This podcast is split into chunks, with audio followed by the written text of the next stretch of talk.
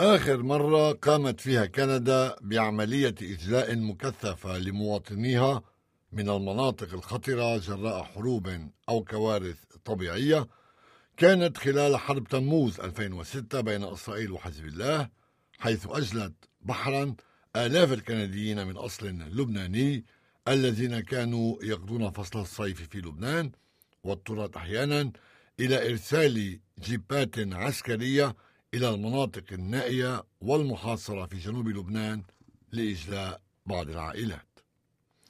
اليوم تواجه الحكومة الكندية التحدي من جديد جراء الإعصار إيرما الذي ضرب عدة جزر في الكاريبي ومعظم مدن ولاية فلوريدا التي يرتادها الكنديون عادة ويقيم أو يعمل فيها عشرات الآلاف منهم. وقد يكون إجلاء الكنديين اللبنانيين بالرغم من المعارك والقصف أسهل من إجلاء الكنديين حاليا. فالمساحة التي يجب إخلاؤها أوسع بكثير من مساحة لبنان. إضافة إلى تمكن كندا يومها من التوصل مع الأطراف المتنازعة إلى هدنة لبضع ساعات للقيام بالإجلاء. أما اليوم فممن تطلب الهدنة والطبيعة لا تهادن. ومع ذلك واجهت الحكومة الفيدرالية حملة انتقادات واسعة طيلة الأسبوع الفائت لتلكؤها بالقيام بواجب حماية رعاياها وغياب روح القيادة واكتفت بتقديم النصائح والإرشادات دون تنظيم حملة واسعة لإجلاء الكنديين المحتجزين في فلوريدا خاصة. الوزيرة الكندية للتنمية الدولية ماري كلود بيبو كانت لها إطلالات متعددة على وسائل الإعلام بخلاف رئيس الحكومة الذي كان شبه غائب وهي تؤكد أن الحكومة قامت بواجبها بالقدر الذي سمحت فيه الظروف الطبيعية. Donc, c'est vraiment euh, la coordination à différents niveaux. Euh, et je peux vous assurer qu'on travaille sur tous les plans pour faire ça. Mais on, on garde contact avec les Canadiens. On s'assure qu'ils sont en sécurité en ce moment.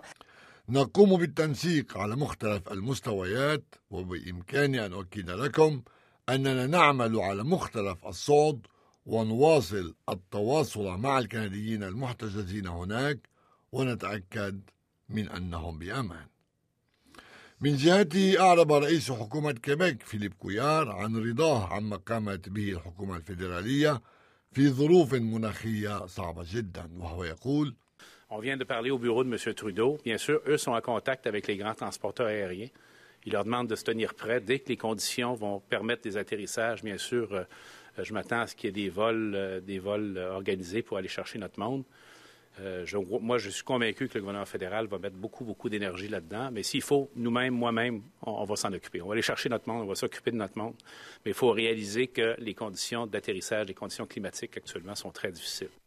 تحدثت مع مكتب رئيس الحكومة الكندية جوستين تريدو وهم بالطبع على تواصل مع كبريات شركات الطيران وطلبوا منهم التأهب للإجلاء عندما تسمح الظروف الطبيعية وأتوقع أن تقوم الطائرات بإعادتهم إلى كندا وأنا واثق بأن الحكومة الفيدرالية ستسخر طاقاتها لتحقيق هذا الغرض.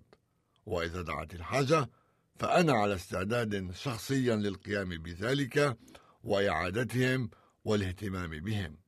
ولكن لا بد من الإشارة إلى أن ظروف هبوط الطائرات وإقلاعها صعبة جدا حاليا.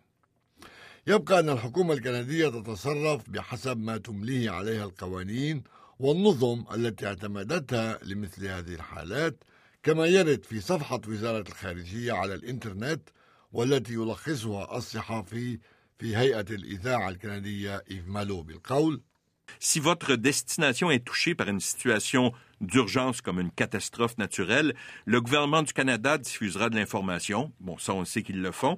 En dernier recours, le gouvernement du Canada pourra aussi aider des Canadiens à se rendre dans le lieu sûr le plus proche. Et si le gouvernement procède à votre évacuation, vous recevrez une facture pour le coût de cette aide à payer dans un délai de 30 jours. إذا كانت وجهة سفركم تعرضت لوضع طارئ من مثل كارثة طبيعية ستقوم الحكومة الكندية بنشر المعلومات. وفي الحالات القصوى يمكن للحكومة ترحيلكم إلى أقرب مكان آمن. وفي حال قامت الحكومة بذلك فستتلقون فاتورة لكلفة هذه المساعدة يجب تسديدها في فترة لا تتعدى الثلاثين يوما. لكن ثمة إجماعا بأنها لن تفعلها هذه المرة.